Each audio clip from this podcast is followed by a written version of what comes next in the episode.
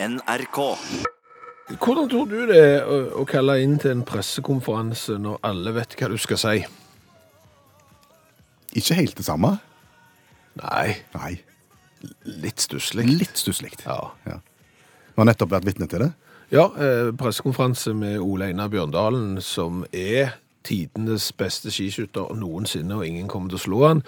24 år lang eh, karriere er nå slutt, og han har hatt pressekonferanse på Simostranda på hjemstedet for å fortelle at that's it.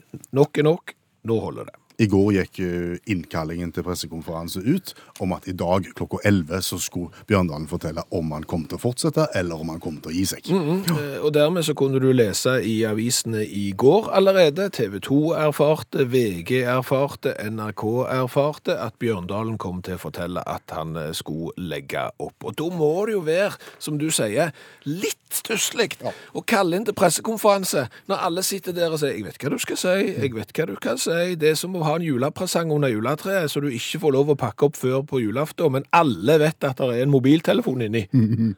Men så er det jo sånn at du, du kan ikke la være å stille på pressekonferansen heller, for tenk nå, tenk nå om en hadde erfart feil, eksempel. Så du må jo stille, og hele Presse-Norge er jo der. Ja, men hvorfor er de nå der? De vet jo hva en skal si. Ja, for de har snakket med noen. Og sånn er det jo når pressen erfarer noe. Ja. Hva er det da som skjer? Ja, da har de jo snakket med noen. Ja, da har de snakket med noen som, som, vet eh, resultatet, og, og, og som lekker bitte litt. Bitte, bitte, bitte litt. Ja.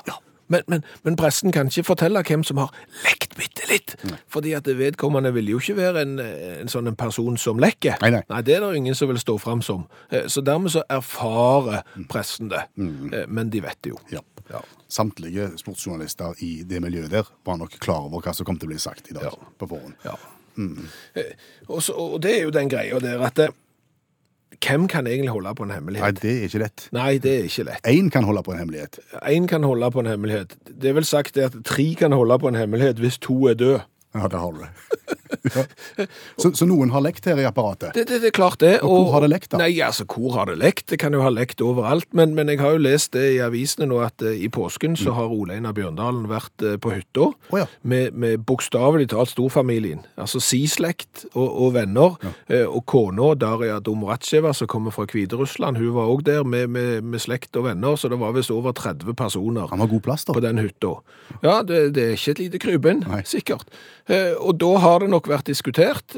Hva skal vi gjøre eh, neste år? Og, og Da så tror jeg du de har spilt Gnav og diskutert framtida. Gnav? Ja, jeg tror de spiller mye Gnav i Hviterussland. Hva hvorfor? Nei, jeg bare tror det. Ok. Men, men det er klart at da har det vært diskutert, Ja. og så har det sikkert blitt sagt at eh, nå er nok nok. Og, og hvis tre kunne holde på en hemmelighet, hvis to var døde, så kan du jo tenke deg sjøl eh, 30 stykker der. Pluss, Ja. kanskje. Ikke lett. Da lekker det som ei sil. Det gjør det. Ja. Og da blir det plutselig stusslig, altså. Ja, ja. Med pressekonferanse. Men kunne, kunne, ja, men kunne, kunne en på noen måte unngått at det ble stusslig? Altså, jeg tenker jo her, eh, Ole Einar Bjørndalen er et konkurransemenneske. Mm. Nå har han jo på pressekonferansen fortalt litt om bakgrunnen for at han gir seg, annet at sesongen har vært dårligere, han har hatt hjerteflimmer, så, som gjør at det kan være litt problematisk eh, å, å fortsette. Men som det konkurransemennesket han er, mm. når media går ut dagen i forveien og forteller hva han skal si, mm. så bør det våkne en liten sånn en F i han, som sier nei, vet du hva? Når dere skriver det, så tar jeg et år til. På trass! På trass! Det står jo skrevet i utaktevangeliet, kapittel et eller annet, vers noe helt eh, annet, at eh, hvis en av personalet har vært ute og reist, primært utenlands, så plikter vedkommende å komme med informasjon etterpå som kan gagne allmennheten. Og jeg har vært ute og reist i påsken. Ja, Vært i England, i London. ja, Og kommer tilbake med ny viten, ny informasjon, som jeg tror kan gagne allmennheten.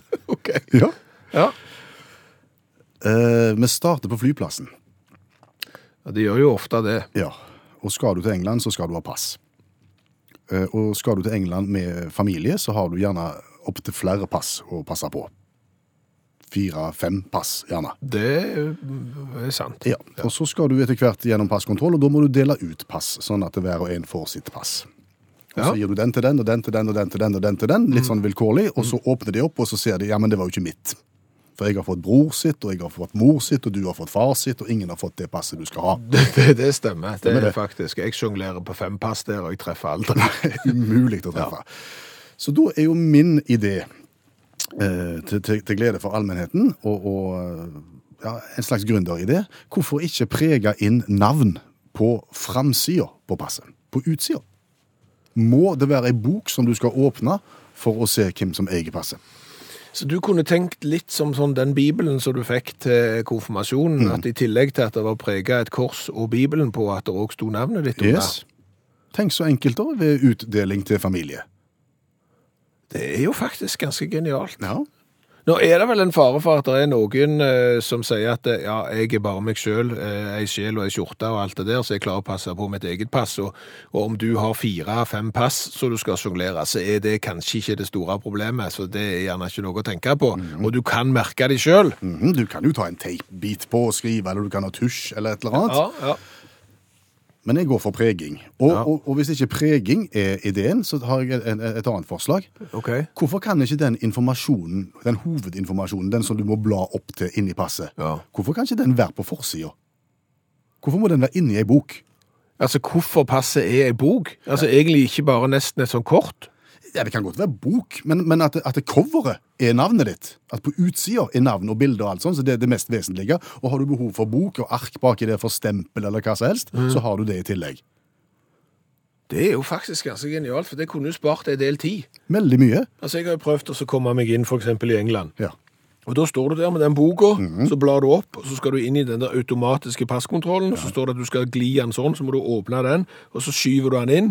Så får du rødt kryss. Så gjør du det en gang til, så får du rødt kryss. For tredje gang du får rødt kryss, så kommer det ei streng dame og ser surt på deg, og så må du gå i den andre køen, som tar kjempelang tid Yes. allikevel, fordi at du ikke fikk det til. med. Der har du den ene plassen Ja. du kunne spart tid. Ja. Men også når du skal om bord i flyet, f.eks. Når, når, når mannen ved innsjekkingsskranken Mm. skal ta imot pass og billett, må da ta imot 150 pass.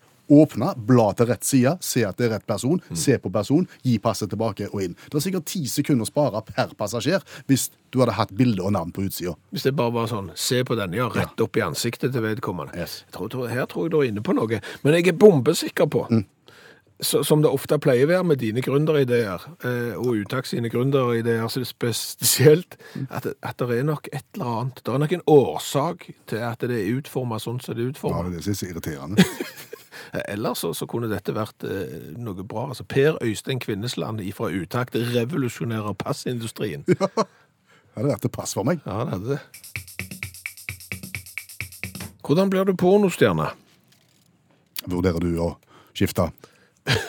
Nei, men, men det er bare to ting jeg har tenkt på. Eh, etter at det jo bokstavelig talt har storma litt rundt eh, president Donald Trump i det siste. Hvorfor har det bokstavelig talt storma? Eh, fordi at det er ei pornostjerne som heter Stormy et eller annet, som jeg ikke husker. Men, men hun har jo da visstnok hatt samkvem med presidenten, helt frivillig. Eh, så mens han var gift. Oi. Eh, Så har de betalt henne for å ikke snakke om dette her. Eh, Så har hun snakket om dette her, til tross for at hun har fått betalt for å ikke snakke om dette her. Ja. Og så har det jo blitt eh, storm i et vannglass, Ja. og litt til. Ja, ok. Og, og ut av den saken så leder du spørsmålet eh, hvordan blir en pornostjerne? Ja, fordi at hun er jo omtalt som pornostjerne. Ja. Eh, Og jeg har et inntrykk av at eh, alle som er med i den bransjen der, der de kler av seg og har samkvem med andre foran et kamera, automatisk blir pornostjerne. Har ikke det noe med antall eh, filmer å gjøre? Eh, Jeg tror ikke det. Eh, Fordi hvis du, hvis du ser på han Tom Cruise, for eksempel. Han er ikke pornostjerne. Nei, han er filmstjerne. Ja. Og så har du Johnny Depp, for eksempel. Han er filmstjerne. Mhm. Så er det noen andre som er filmstjerner. Mens de aller, aller fleste, de er kun skuespillere. Mhm. Du kan være med i ganske mange filmer, eh, men du er likevel bare skuespiller. Du blir ikke filmstjerne. Men er du med i én en eneste pornografiske film, så blir du automatisk pornostjerne i alle oppslag. Ja.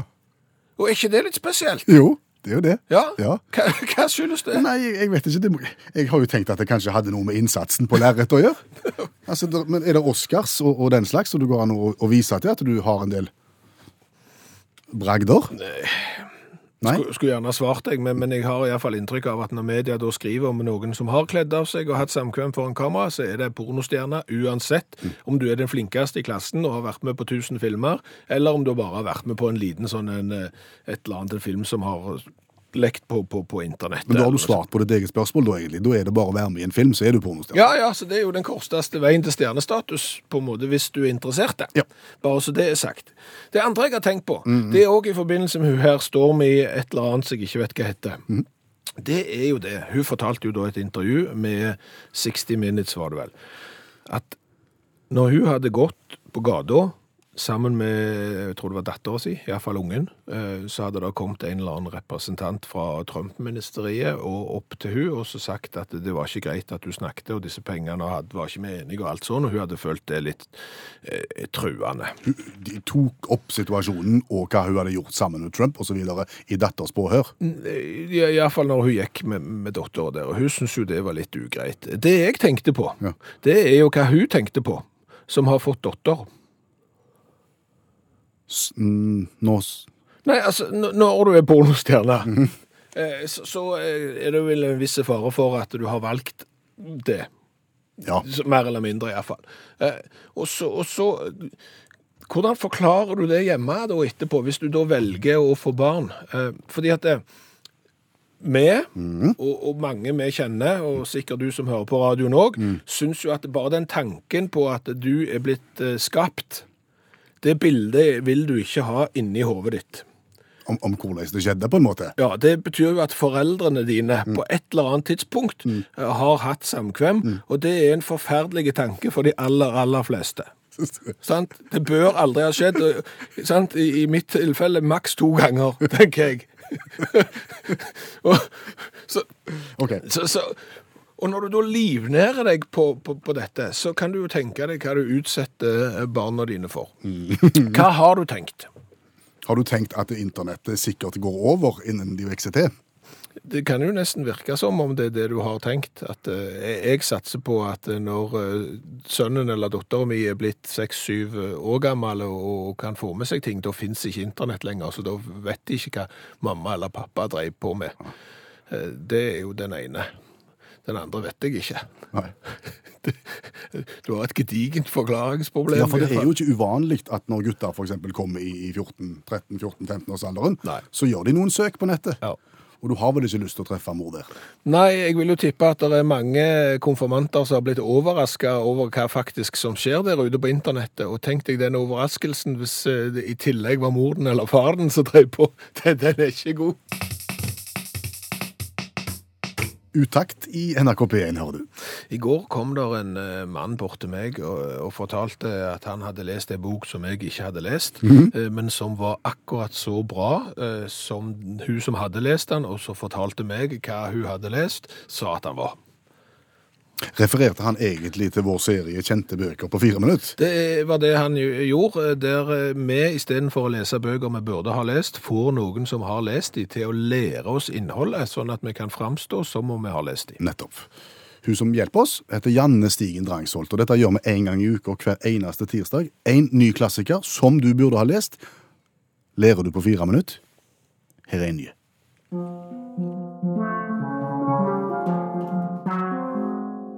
100 års ensomhet av Gabriel Garcia Marquez fra 1967. Familien Buendia bor i byen Macondo, som de har grunnlagt sjøl. De opplever gjennom syv generasjoner eh, borgerkrig, revolusjon, industrialisering, barn som blir født med grisehale, orkaner, kvelende hete, en regnstorm som varer i fem år, og alt synes på en eller annen underlig måte å finne sted omtrent samtidig. Det høres ut som noen som er utsatt for Guds plager på en eller annen måte. Ja, det er sant. For den, den er jo på en måte en slags sånn eh, opprinnelseshistorie. For de grunnlegger jo denne her byen sjøl, da. Og så følger du denne familien gjennom syv generasjoner. Eh, og det er litt sånn bibelsk, eller for det er jo litt sånn nybyggerånd, men det er samtidig litt sånn eh, Moses i ørkenen-aktig.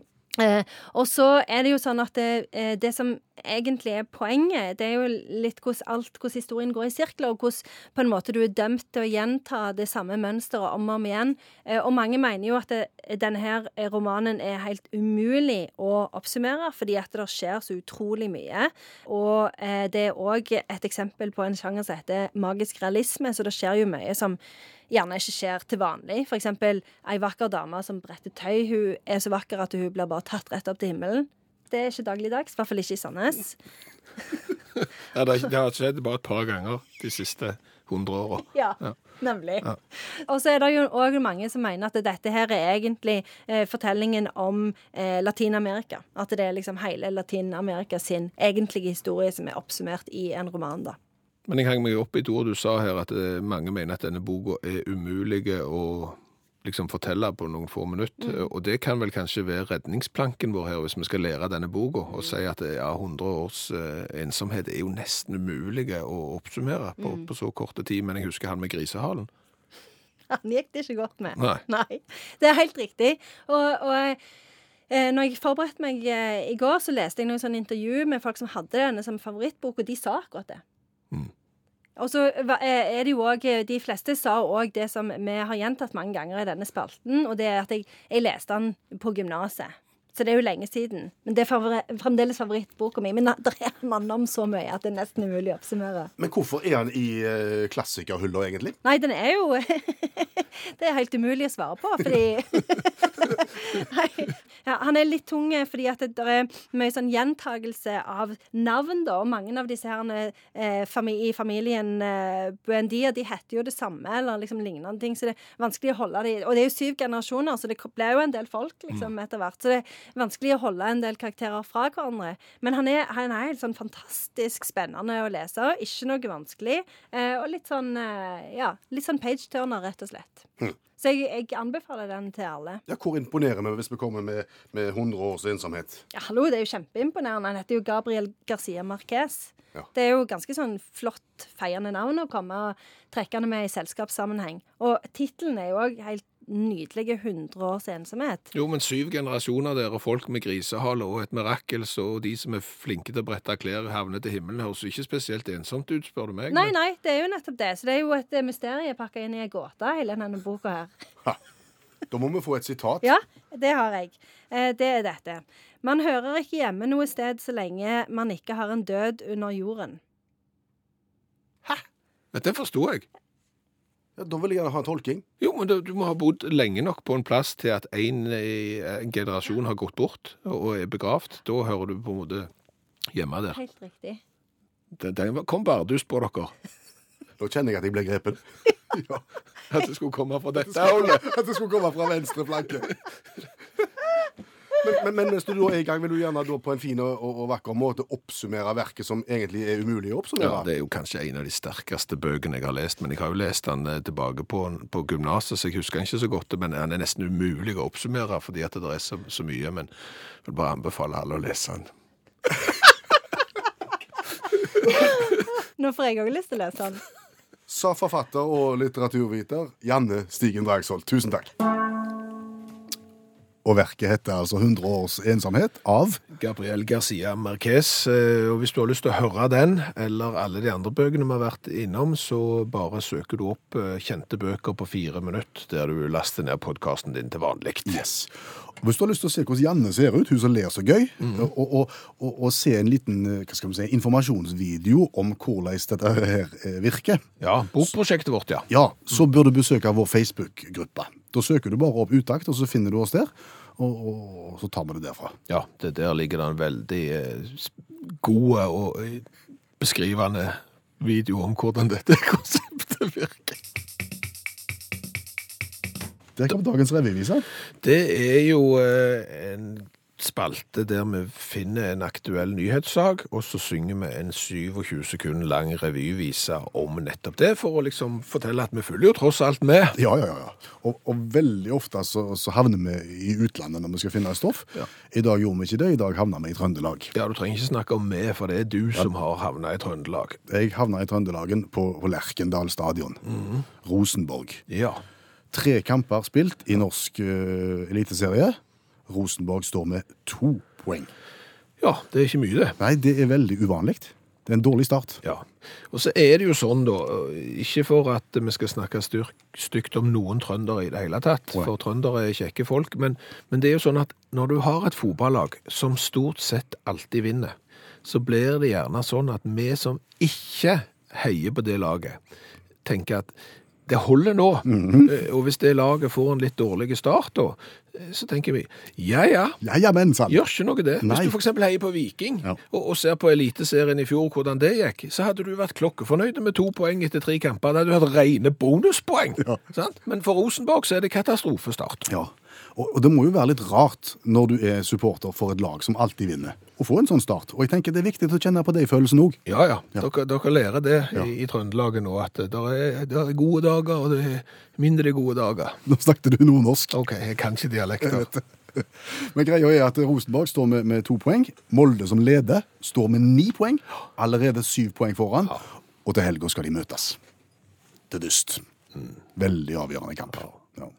Da, da kan nesten Molde ha vunnet serien allerede. ja, Da har de ti poeng forsprang hvis de vinner den kampen der. Tror du det blir en revyvise av sånn? Jeg, jeg håper jo det, for hvis ikke hadde spalten vært helt tom.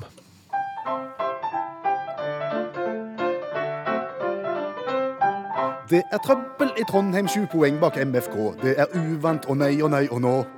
Skal de møtes på banen og vinner Molde da, svinner gull i april for RBK. Folket spør har han Kåre nå møtt veggen. Det var ikke sånn da vi hadde Nils Arne Eggen. Jo, det har faktisk hendt. Dårlig start har gitt suksess. Vent og se, du. Og hei og hei og håp. For til sluttpoenget der. Det har hendt før at en har begynt dårlig og, og likevel klart å ta gull. Bare nevne det. 1997 hadde RBK to poeng etter tre kamper, vant serien. Det var fiffig å få inn hei og hei og hå òg inn der.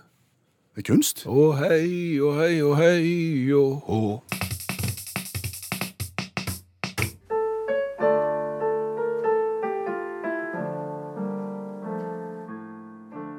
Sitter med skjegget i postkassa. Hei, du. Nei, Forstyrrer jeg? det på ingen måte. Det ser ut som du sliter. Nei, Jeg sliter bitte litt av eh, diksjonen, fordi at eh, det er litt vanskelig å så åpne munnen, for det er litt stramt. Ja. Ja, For du har altså en postkasse helt opp til munnen din? Stemmer det. Ja. Den sitter der, den, ja. Bom, bom fast, for å si det fint. Det er ikke godt. Ja, er lenge å sitte i ro, så går det greit. Ja. Ja, jeg ikke klage. Det er de som har det verre. Er de som ikke har mat, eksempel. Ja. Det har jeg. Men hvordan i all verden fikk du hekta en postkasse på ansiktet ditt? Det er ikke på ansiktet, det er i skjegget. Oh. Det er der jeg har eh, postkassen. Jeg har fått skjegget nede på Jeg var ute i går og så skulle hente eh, vanlig post. og, så, og, og reklame og, og regninger og, sånn. Og så bøyer jeg meg ned for å se oppi postkassen, og ups, der satt skjegget bom.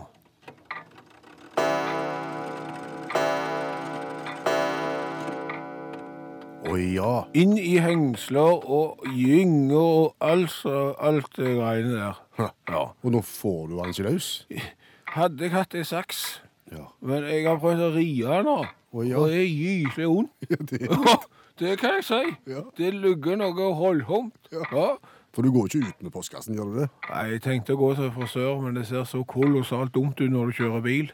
Med, med postkasse, og så får du ikke bilbelte på. For er, det er liksom der postkassen er, på en måte. Så det er dumt. Ja. Ja.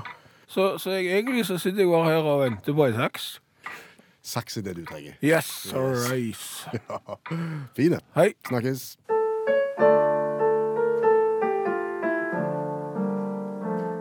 Du har hørt Utakt sitte med skjegget i postkassa. Hva har vi lært i dag? Å, du all verden. Det har alle putla og lært litt i dag òg. Jeg har blant annet lært at det, det må jo være bitte litt stusslig å kalle inn til pressekonferanse, som Ole Einar Bjørndalen gjorde. Eh, Pressekonferanse i dag klokka 11. Og i går så kunne du lese i eh, aviser og nettaviser og media likevel eh, hva du skulle si. Ja, alle visste at han skulle legge opp før han eh, innkaller for å fortelle at han skal legge opp. Ja, det er jo litt som å vite at under treet så ligger det en eh, julepresang. Den får du ikke pakke opp før på julaften, og inni der så vet du hva det er. Alle andre vet det òg. Litt kjedelig.